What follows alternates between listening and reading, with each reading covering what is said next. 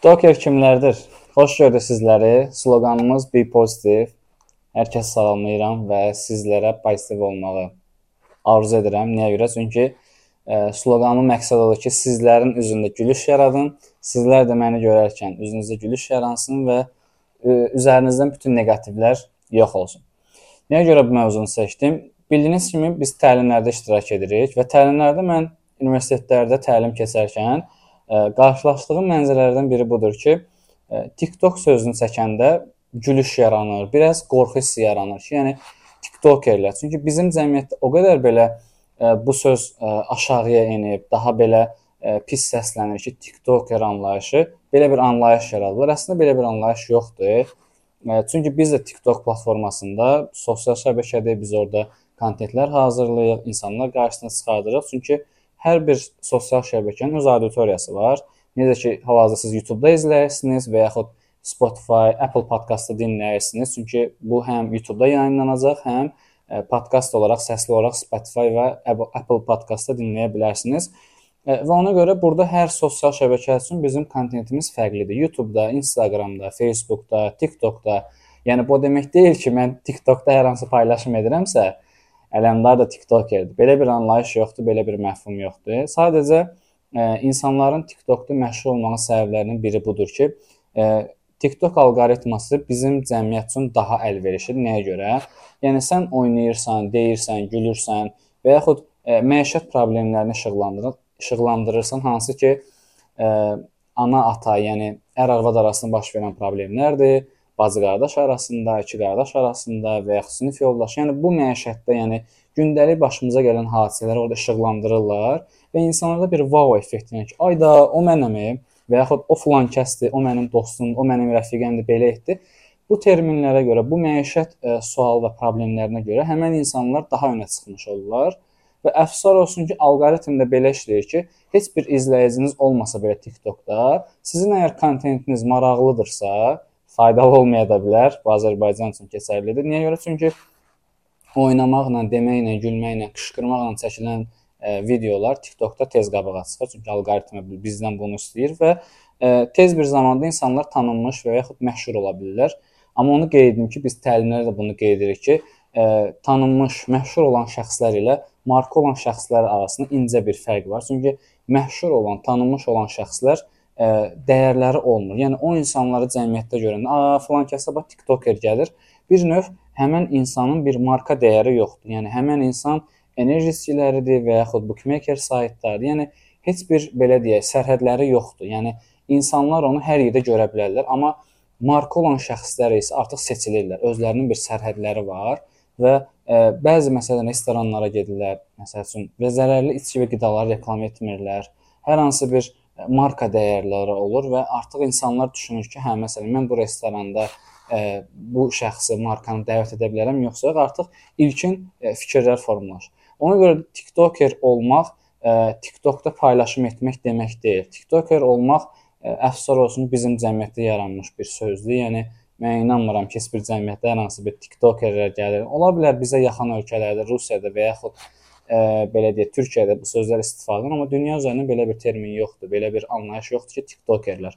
Və ona görə də insanlar buna can atırlar və bir növ pul qazanmaq vasitəsi, vasitəsi kimi göstərirlər. Mən tanınıram, mən TikTokda və yaxud sosial şəbəkədə tanınıram kimi deyir, amma əslində belə deyil. Çünki TikTok əslində bir sosial şəbəkədir və oranın müəyyən bir auditoriyası var və biz müəyyən informasiyalar çatdıra bilərik, müəyyən kontentləri çatdıra bilərik və yəqin sual vermək istəyirsiniz ki, niyə görə bu TikTok mövzusuna toxunduq? Çünki biz şirkətlərlə, sahibkarlarla işləyirik. Sosial şəbəkələrdə onlar üçün reelslər çəkməkdir, kontent hazırlamaqdır. Və bizə verilən suallardan biridir ki, biz tez bir zamanda izləyici qazanmaq istəyirik. Yəni bu mümkündür. Mən demirəm mümkün deyil. Hər hansı bir reels videolar çəkərək və yaxud posterlər paylaşaraq o izləyicini qazanmaq olar. Amma burada əsas məsələ odur ki, biz əgər keyfiyyətli iş görür, iş görərək keyfiyyətli izləyiciləri əldə etmək istəyiriksə, qazanmaq istəyiriksə, bunun üçün zaman lazım. Yəni biz o e, fikirlərimizi və düşüncələrimizi qarşı tərəfə çatdırmalıyıq. Və ona görə də bizim hazırladığımız kontentlər keyfiyyətli olmalı. Məsələn, mən desəm ki, hər kəsə 100 dollar verəcəm. İnanın ki, bu TikTokda video 1 milyon izlənəcək. Yəni mən ə, məsələn lap kredit götürüb versəm belə izləyicim artacaq, video baxış sayım artacaq, şirkətlərlə əməkdaş əməkdaşlıq edə biləcəm. Bu artıq amma mənim marka dəyərimə zərər gəlmiş olacaq ki, yəni ə, bir növ ə, marka üçün uyğun gəlməyən bir şey. Bəli, gələcəkdə etmək olar, hər hansı bir yarış keçirmək olar. Məsəl üçün ə, kitab mağazinləri hər hansı bonus kartlar alıb fikrimdə var. Ə, inşallah ə, 2024-ün yanvar ayında fikirləşirəm sizlər üçün belə bir kampaniya keçirdim və ə, belə bir yarış keçirdim ki, ə, izləyicilər arasından bir nəfəri və yaxud 3 nəfəri seçin və onlara ə, kitab evlərindən bonus kartlar verim ki, özləri istədikləri kitabları ala bilsinlər. Belə yarışlar etmək olar, amma 100 dollar verəcəm deyib daha çox izləyici qazanmaq, daha çox izlənmə sayı qəbul etmək, artıq mən orada keyfiyyətli və keyfiyyətsiz izləyiciləri qazanmış olurum və bu mənim marka dəyərimə ziyan dəymiş olur ki, yəni ə, mən bir növ aciz olmuş kimi oluram ki, yəni mən normal kontent ilə məşhur olub tanınıb marka ola bilmirəm ucuz kontentlərə qaçmış oluram və e, bu artıq mənim marka dəyərimi aşağı salır. Artıq insanlar məni bir zədələnmiş marka olur və məni tanınmış şəxs kimi, marka şəxs kimi tanımır. Və ona görə mən hər zaman qeyd edirəm ki, çalışın. Əgər iş görmək istəyirsinizsə, tanınmaq, marka olmaq istəyirsinizsə, bu çox çətin prosesdir. Amma nəticəsi əla olur. Yəni inanın ki, özünüzə bir rahatçılıq hiss edirsiniz. Sizi e, keyfiyyətli izləyicilər sizi hər yerdə qorumağa başlayırlar. Hər yerdə sizi müdafiə edirlər. Sizin haqqınızda hər hansı bir mənfi xəbər, mənfi rəy veriləndə onlar sizi müdafiə edir. Niyə? Çünki siz həmin izləyicilərlə aranızda istibaq qurursunuz. Sizin dostunuz, rəfiqəniz olurlar, sizin bir sirdaşınız olurlar və ona görə səmimiyyət yaranmış. Ona görə ə, e, biz hər zaman çalışmalıyıq ki, ə, e, izləyicilərlə aramızda səmimiyyət olsun. Biz onları təhqir etməməliyik. Necə ki, normal cəmiyyətdə əgər biz heç kimi təhqir etmiriksə, biz sosial şəbəkədə bunu etməməliyik. Yox, əgər mən bunun real həyatda təhqir etmirəmsə, sosial şəbəkədə gəlib təhqir edirəmsə və yaxud hər hansı bunu reytinq xatirinə edirəmsə və yaxud tanınmış olmaq xatirinə edirəmsə, bu müvəqqətidir. Çalışın belə şeylər etməyin. Yəni bu sizin bir növ ə, okey sosial şəbəkəni qırağa qoysa, markanı qırağa qoysa, bu sizin şəxsiyyətiniz üçün çox əhəmilidir ki, yəni sabah sizi çöldə görəndə belə ə, sizi tanısınlar ki, bu filan kəsdir, maraqlı kontentlər hazırlayır. Ev yox sizi bir nəfər tanısın, 5 nəfər, 10 nəfər, 100 nəfər tanısın, amma keyfiyyətli insanlar tanısın. İnanın ki, çox gözəl bir hissdir. Mən çünki ə, qarşılaşıram tədbirlərdə, təlimlərdə, universitetlərdə və yaxud marketdə hər hansı bir ə, parkda gəzməyə belə çıxanda, bir nəfər belə mənə yaxınlaşanda və ə, maraqlı kontentlər üçün, faydalı kontentlər üçün mən təşəkkür edəndə bu mənim üçün böyük bir uğur hissidir. Bir də var ki, bax düşünün də, yəni bunu ki, çöldə mənə kimsə, ayda buna bax TikTokerə bax, məsəl üçün belə bir sözdə düşük-düşük videolar çəkir, cəmaatı nə bilim araya qoyur güya bu ağıllıdır. Bu yəqin ki, siz də istəməzsiniz. Yəni düşünün ki, sosial şəbəkəni qırağa qoysanız, cəmiyyətdə sizin bir nüfuzunuz olmalı, marka dəyəriniz, şəxsiyyət olmalısınız. Bu üzərindən düşünün və çalışın ki, e, bu terminlərdən uzaq durun. TikTokerdir, e, TikTok üçün hər hansı reytinq xatirinə videolar hazırlamaqdır və çalışın izlənmə sayına fikir verməyin. Yəni ə, e, reklam şirkətləri və ya hansı şirkətlə əməkdaşlıq edəndə onlar sizə baxırlar, sizin danışığınıza, hərəkətinizə, ə, paylaşdığınız videolara, onlar baxmır ki, paylaşdığınız video 500 min.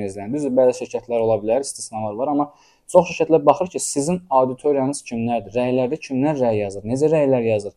Sizə təşəkkür edirsə, yoxsa sizi pisləyirlər? Bunlar çox əhəmilidir və ə, mən ümid edirəm ki, sizin üçün bu podkast, bu YouTube videosu yəqin ki, maraqlı oldu. Sizin suallara da cavab vermiş oldum. Çünki ə, çox insanlar alqoritm haqqında danışmırlar bunları bir gizli saxlayırlar, bir məslək sirri kimi, bir ə, iş, vəzifə sirri kimi saxlayırlar. Hər kəslə bölüşmək istəyirəm, amma mən istəmirəm ki, bunları sizlərə saxlayım. Çünki istəyirəm sizlər də bunu biləsiniz və çalışasınız ki, doğru kontentlər üzərindən ə, sizin hədəf kütlənizə çatasınız ə, və sizlərə təşəkkür edirəm ki, bu podkastı dinlədiniz, bu YouTube videosunu izlədiniz.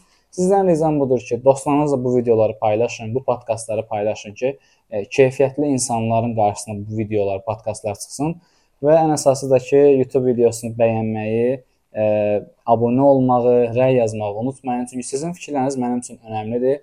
Mənfi və müsbət fikirlər yaza bilərsiniz. Çünki hər bir şəxsin, hər bir şəxsiyyətin öz e, şəxsi fikri var və əlbəttə ki, podkastları dinləyin, abunə olun, 5 ulduzlar verin və yaxud istədiyiniz ulduzları verə bilərsiniz. Çünki bu yenə də sizin şəxsi fikrinizdir və ə, e, unutmayın ki, sizin e, dəstəyiniz e, bizi motivasiya edir. Bizi daha da ruhlandırır ki, biz daha çox araşdırmalar edək və sizlərə keyfiyyətli kontentlər ə, belə deyək, istehsal edək zavod kimi.